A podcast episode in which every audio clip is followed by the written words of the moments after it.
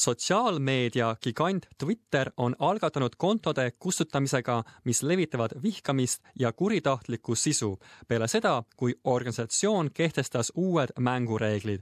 uutest reeglitest tulenevalt ongi juba paljud valget natsionalismi ja rassismi levitavad kontod Twitterist eemaldatud Twitteri otsust tervitavad paljud erinevad osapooled, kuid veebikeskkonnas on Twitterit hakatud süüdistama ka selliselt sõnavabaduse piiramises.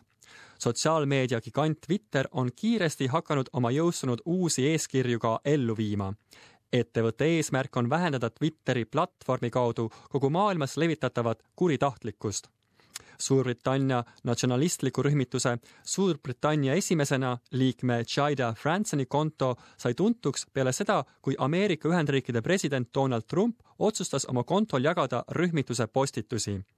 Jida Fransoni konto on nüüd saanud esimeseks kontoks, mis ei vasta uutele reeglitele ja on seega kasutamisest eemaldatud küberkeskkonnad spetsialisti doktor Fiona Martini Sydney ülikoolist arvab, et Twitteri poliitilised muudatused on tervitatav samm. I think it's really timely. I think it's actually long overdue. Um, and the particular areas that they're dealing with are important. Rosie Thomas, kes on Austraalia noorte juhitud organisatsioonist Project Rocket, mis võitleb kiusamise ja sealhulgas küberkiusamise vastu, aitas Twitterit uute suuniste väljatöötamisel say a positive and powerful message to young people that this kind of behaviour in all of its forms just isn't tolerated. And I think the really important thing here as well is that it, it doesn't matter whether or not you're hiding behind a screen, you can be held accountable.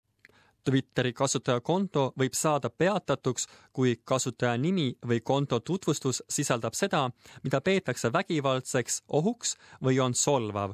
konto sulgetakse ka siis, kui sealt jagatakse hirmutavat materjali või kui alandatakse kellegi inimlikkust.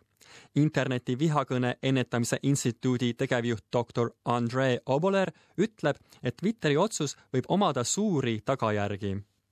At the moment there's various groups which have built up large followings, thousands, tens of thousands of followers, and the minute their account is closed, they will lose touch with their base, which makes them far less effective and makes their message um, a, lot, a lot quieter.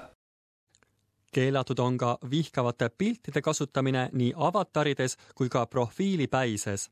samuti asutakse varjama tweetides jagatavaid vihkavaid pilte, mida saavad kasutajad ise soovi korral avada Fiona Martin kiidab selle viha vaigistava aspekti väga loominguliseks.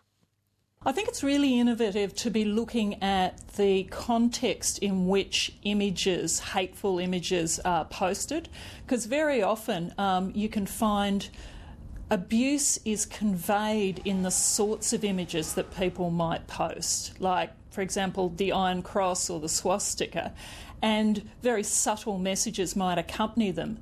Twitterit asuti survestama muutuste elluviimiseks peale Ameerika Ühendriikides Virginias Charlotteville'is linnas augustikuus toimunud valgete rahvuslikul rallil toimunud vägivalla tõttu.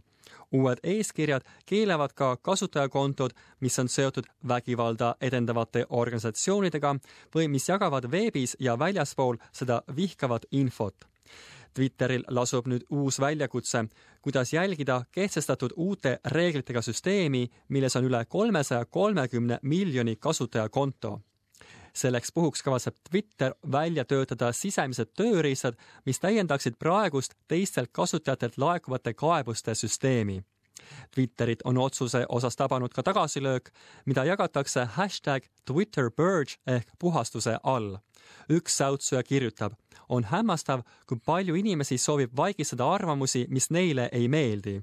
teine säutsuja jällegi viitab George Orwelli kuulsale romaanile tuhat üheksasada kaheksakümmend neli.